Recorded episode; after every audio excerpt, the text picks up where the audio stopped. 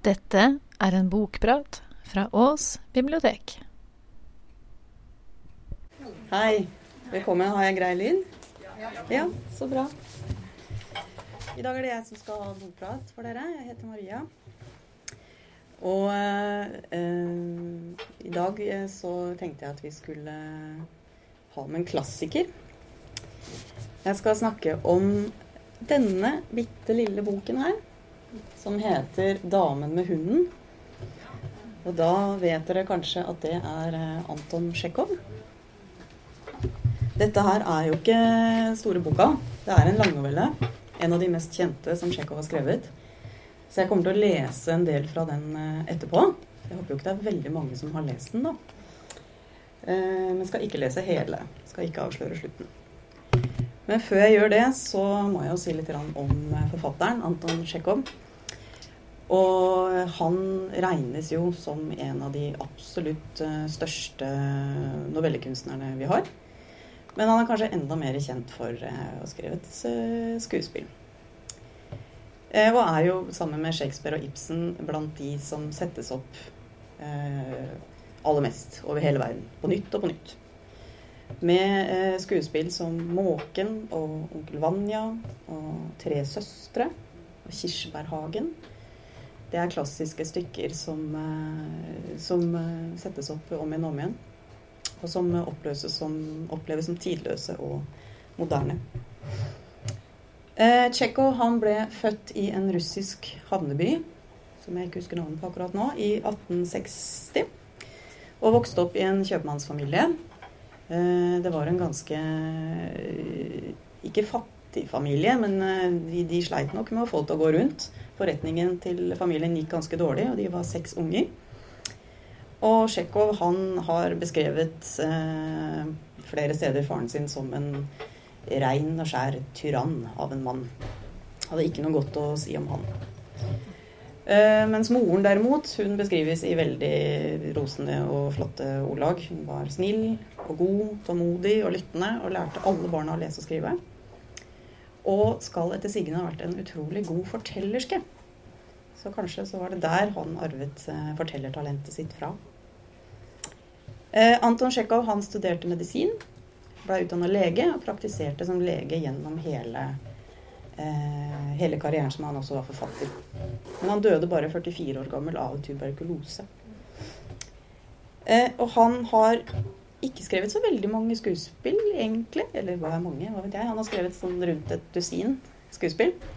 Men han har skrevet over eh, mange, mange hundre noveller eller kortfortellinger. Og de tidligste verkene hans, de var ganske sånn skarpe og fulle av humor. Og er vel mer eller mindre regnet som sånn satirer. Mens de modne verkene, som kanskje er de mest kjente, eh, sånn type 'Kirsebærhagen' og 'Tre søstre', de, eh, de eh, kom mer under realismen. Eh, og de fleste av fortellingene hans de handler om småborgeres liv i Russland på slutten av 1800-tallet. Det handler om åndsliv og samfunnets synd, ondskap og forfall. Og de er veldig ofte lagt til et provinsielt miljø. Eh, og så leste jeg et sted en veldig fin beskrivelse av fortellingene hans. Der hvor det sto at fortellingene kan leses som dype, trette sukk. Mens andre steder så leste jeg at veldig mange av fortellingene hans var veldig morsomme. Så han har liksom beveget seg gjennom hele spekteret. Eh, og temaer som død og menneskelig forgjengelighet er jo da også gjengangere i verkene. Eh, men ikke uten en viss form for optimisme. Så det er ikke beksvart eller dystert å lese Tsjekhov. Eh, han er også veldig, veldig sånn tilgjengelig. Eh, så var det denne damen med hunden, da som er en av de aller mest kjente novellene. Der viser jo Tsjekhov seg nærmest som en lyriker tidvis. Hvor han beskriver da et kjærlighetsforhold mellom to gifte mennesker. Eh, og det er i grunnen en ganske sånn enkel handlingsramme, og det er ikke så veldig mye som, som skjer. Men det bygges opp til et veldig stort eh, drama, dette her. Med Ja, jeg skal jo ikke si hvordan det ender. Nei, skal jo ikke det. Men jeg kan i hvert fall si at det er mye mer enn bare en enkel kjærlighetshistorie. Eh, Tsjekhov likte veldig godt å lete i menneskesinnets kroker og kriker. Og likte å utforske mennesker som, som var på søken og på leit etter mening. Og det tror jeg trygt vi kan si at disse to her er. Og det skjer også en veldig stor forandring eh, hos den ene av disse. Så da og så beklager jeg at jeg må sitte og se på det der gjennom hele, men jeg skal vise et bitte lite klipp, for den er jo filmatisert, denne boka. Nei, ja, novellen, da, selvfølgelig. Og det er et nydelig sånn lite klipp som vi må ta helt til slutt. Men jeg kan ikke vise det nå, for da avslører det for mye. Eh, folk talte om at det var dukket opp et nytt ansikt på strandpromenaden. En dame med en liten hund. Dmitrij Dmitrij Gurov, som alt hadde tilbrakt to uker i Jalta og var blitt hjemmevant der, begynte også å interessere seg for nye ansikter. Fra sin plass på vernets balkong så han en ung dame komme spaserende forbi på promenaden. Ikke særlig høy, blond, med alpelue, og bak henne sprang en liten, hvit, spisshund. Senere møtte han henne i byparken og på torget flere ganger om dagen. Hun gikk alene, alltid med den samme luen og den hvite hunden. Det var ingen som visste hvem hun var, og man kalte henne ganske enkelt Damen med hunden. Hvis hun er her uten mann og uten bekjente, tenkte Gurov, så ville det ikke være så dumt å bli kjent med henne. Han var ennå ikke 40 år, men hadde allerede en datter på 12 og to sønner på middelskolen. Han var blitt bortgiftet ennå, eh, tidlig ennå som ung student, og nå virket hans kone halvannen gang så gammel som han. Det var en høy kvinne med mørke bryn, rank, verdig, sikker og som hun selv sa, tenkende. Hun leste meget, hevet seg over rettskrivningsregler, regler, kalte ikke sin mann Dimitri, men Dimitrij. Han anså henne i hemmelighet for å være innskrenket, sneversynt og blottet for smak. Var redd for henne og likte ikke å være hjemme. Han hadde for lengst begynt å bedra henne, bedro henne ofte, og dette var antagelig grunnen til at han nesten alltid uttalte seg nedlatende om kvinner. Når talen falt på dem i hans nærvær, kalte han dem en lavere rase. Han synes han hadde tilstrekkelig bitre erfaringer til å kalle dem hva han ville, men uten denne lavere rase hadde han likevel ikke fått to dager til å gå.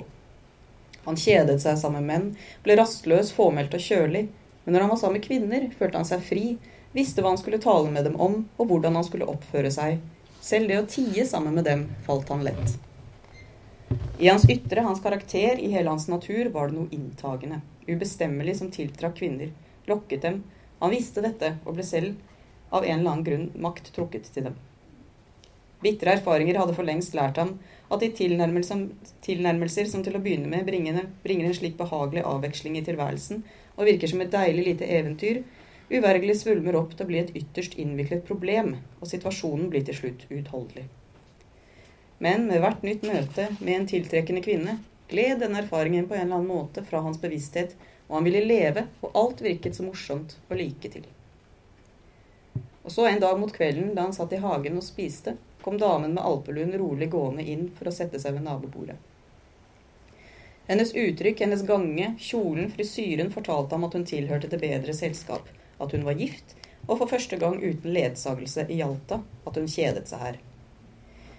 Det er for mye usant i fortellingene om dette stedets tvilsomme moral. Han foraktet dem og visste at slike historier for dem leste ble oppfunnet av folk som selv mer eller mindre gjerne skeiet ut hvis de kunne, men da damen satte seg ved nabobordet tre skritt fra han, mintes han likevel disse historiene om lette erobringer og utflukter i fjellene, og denne fristende tanken om et kortvarig flyktig forhold, om et eventyr med en fremmed kvinne hvis navn han ennå ikke kjente, fikk plutselig makten over ham. Han lukket vennlig på hunden, og da den kom bort til ham, truet han den med fingeren.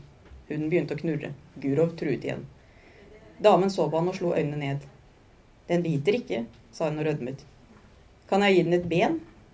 Og da hun nikket bekreftende, spurte han høflig. Er det lenge siden de kom til Hjalta? Fem dager siden. Og jeg slep meg allerede gjennom den andre uken. De tidde en stund. Tiden flyr av sted, men her, hvilken kjedsomhet, sa hun uten å se på ham. Det er bare noe man sier, at det er så kjedelig her. Hver eneste en av gjestene kommer fra sitt Belev eller Sidsra. Der kjeder de seg ikke, men så fort de kommer hit ned, så begynner de å jamre seg. Uff, så kjedelig. Uff, for et støv. Man skulle tro at folk kom fra Grenada. Hun lo. Så fortsatte de å spise i taushet, som fremmede, men etter middagen forlot de restauranten i følge. Og det utspant seg en lett og munter samtale mellom to frie, tilfredse mennesker som ikke bryr seg om hvor de går, eller hva de taler om. De gikk og talte om havets eiendommelige belysning. Vannet var så bløtt og varmt syrinfarget, og på overflaten kastet månen en gyllen stripe. De talte om hvor lummert det var etter dagens hete. Guro fortalte at han var fra Moskva, filolog av utdannelse, men ansatt i en bank, og at han en gang hadde tenkt å bli sanger i en privat opera, men hadde oppgitt det, og at han hadde to hus i Moskva. Av henne fikk han vite at hun hadde vokst opp i Petersburg, men var gift i S, hvor hun nå hadde bodd i to år, at hun skulle bli i Jalta enda en måned, og at hennes mann, som også gjerne ville hvile ut, kanskje kom etter. Hun kunne slett ikke forklare hvor hennes mann var ansatt, om det var i guvernementsstyret eller i distriktsforvaltningen, og dette fant hun selv komisk. Dessuten fikk Guro vite at hun het Anna Sergejevna. Siden tenkte han på henne oppe på sitt værelse, tenkte at de sikkert ville møtes neste dag. Slik måtte det bli. Da han gikk til sengs, husket han at hun for ikke så lenge siden hadde vært, hadde vært en skolepike, hadde lest lekser, liksom nå hans egen datter, husket hvor sky og keitet hennes latter hadde vært under samtalen med en fremmede. Dette var sikkert første gang i hennes liv at hun var alene og i en slik situasjon at noen fulgte etter henne og så på henne og talte med henne med en viss hemmelig hensikt som hun ikke kunne unngå å gjette seg til. Han husket hennes fine, spinkle hals, de vakre grå øynene. Det er da noe rørende ved henne, tenkte han og la seg til å sove. Det var gått en uke siden de var blitt kjent. Det var helligdag, inne var varmen trykkende, og på gaten virvlet støvet til værs, og hattene ble revet av hodene på folk. Man var tørst hele dagen, og Gurov gikk gang på gang bort til paviljongen og bød Anna Sergejevna på limonade eller is. Det var ingen steder å gjøre av seg. Om aftenen, da det var blitt litt stillere, gikk de ned på moloen for å se på dampbåten legge til. På bryggen var det mange spaserende, de kom for å ta imot, hadde buketter i hendene. Og her kunne man observere to særegenheter ved det finere Jalta-selskap. De eldre damene gikk kledd som unge piker, og det var mange generaler. Av sterk sjø kom dampbåten sent, solen var alt gått ned. Før båten la til, lå den lenge og manøvrerte. Anna Sergejevna så på dampbåten og passasjerene gjennom sin løgnett, som hun søkte etter bekjente, og da hun snudde seg mot Gurov, lyste øynene. Hun talte meget, og spørsmålene var usammenhengende. Hun glemte straks selv hva hun hadde spurt om, siden mistet hun løgnetten i trengselen.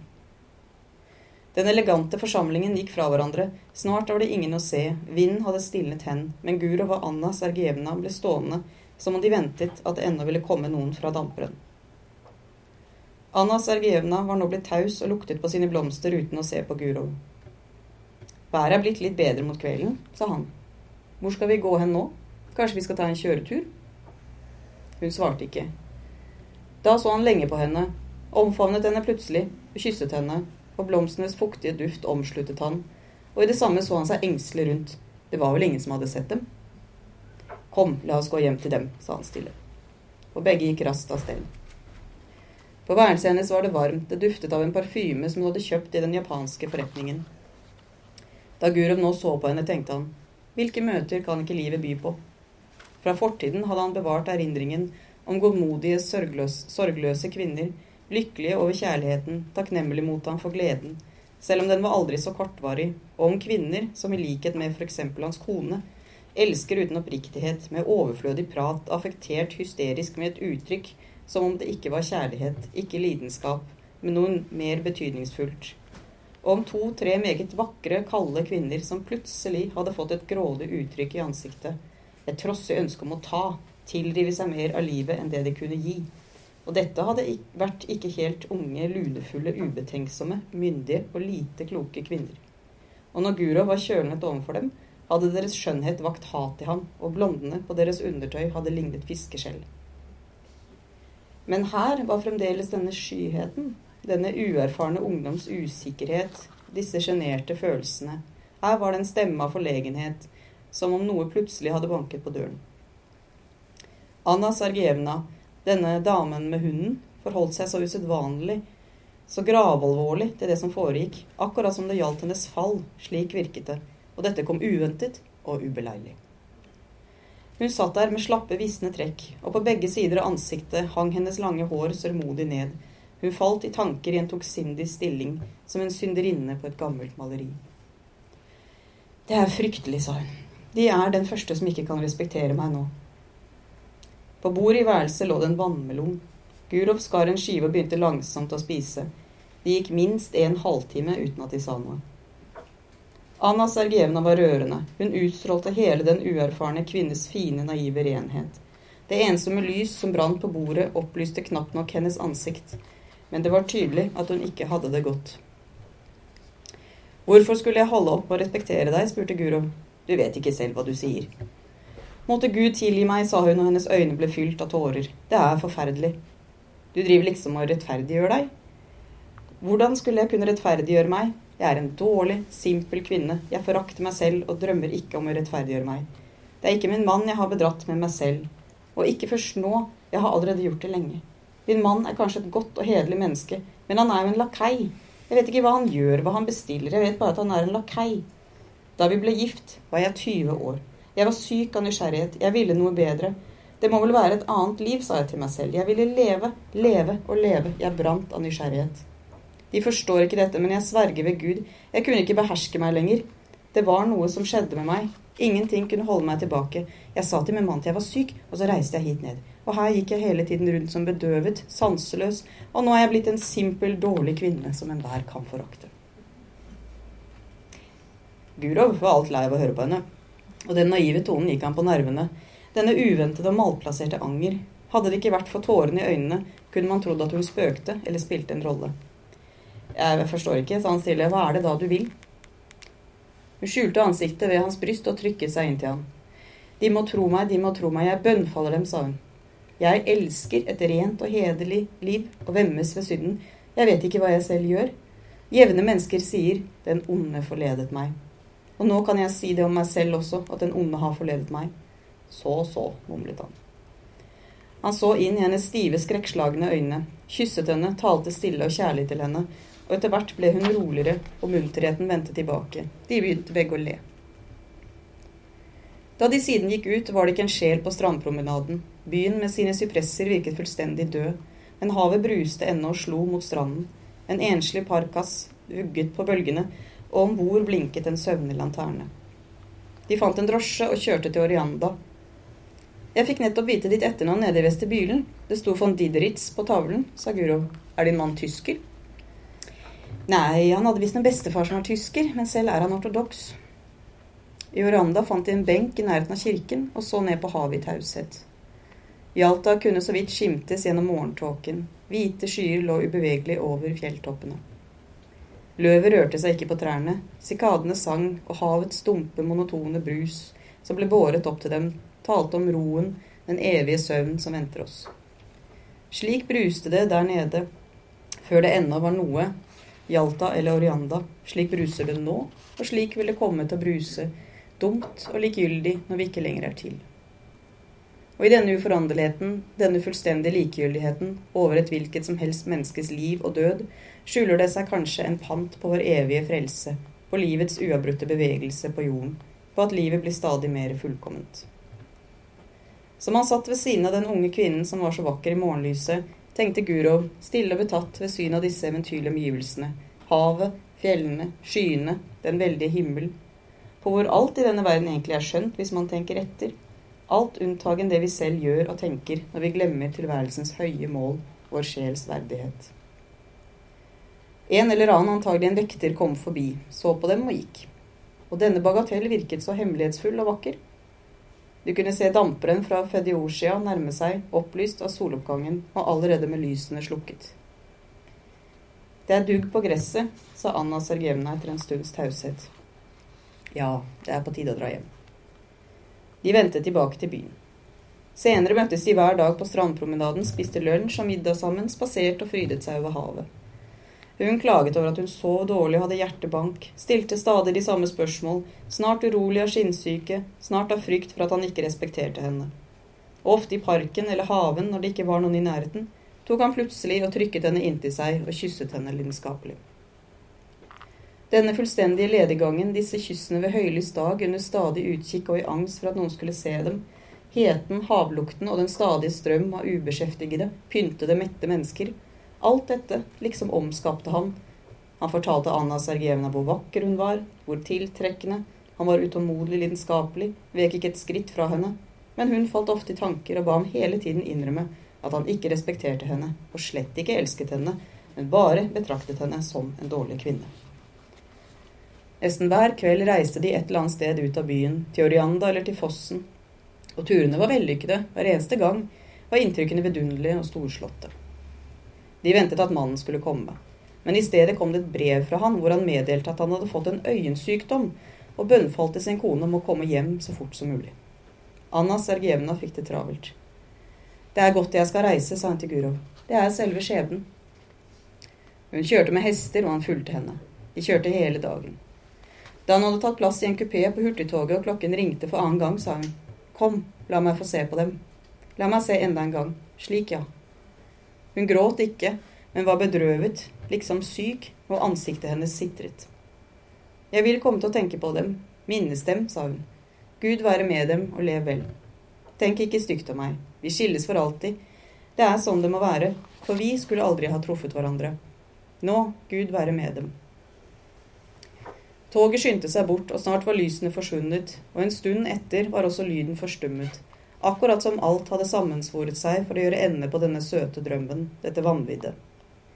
Og da han sto der alene på plattformen og så ut i det mørke fjerne, hørte Gurav gresshoppenes sang og telegraftrådenes summing med en følelse som om han nettopp har våknet. Og han tenkte på at her hadde det vært enda en opplevelse, enda et eventyr i hans liv, og nå var det forbi, og bare minnet ble tilbake. Han var opprevet og trist i motet og følte en lett anger. Denne unge kvinnen som han aldri mer skulle se, hadde jo ikke vært lykkelig med han. Han hadde vært vennlig mot henne, hjertelig, men allikevel hadde det i hans oppførsel mot henne, i hans tone og kjærtegn, skjult seg en anelse av spott, av det litt plumpe håmodet hos en lykkelig mann som til og med var nesten dobbelt så gammel som henne. Hun hadde hele tiden kalt ham god, usedvanlig, høysinnet, han hadde åpenbart ikke forekommet henne slik som han virkelig var. Hadde altså uvilkårlig bedratt henne. Her på stasjonen luktet det alt av høst. Kvelden var kjølig. Det er på tide at jeg også kom meg nordover, tenkte Guro da han forlot plattformen. På tide. Det er altså første del av den langnovellen. Jeg skal ikke avsløre hvordan det går, men at de har sine skjebnekvaler, det hører dere. Eller i hvert fall den ene. tenkte jeg jeg skulle vise klipp. Ikke klipp, det er en sånn sammensatt klipp fra den filmen. Og her er det om å gjøre og Her må man legge fra seg kynismen, altså. her må man være åpen for uh, russisk, uh, russisk stoisk ro og kjærlige stillbilder. Det er litt staselig, da.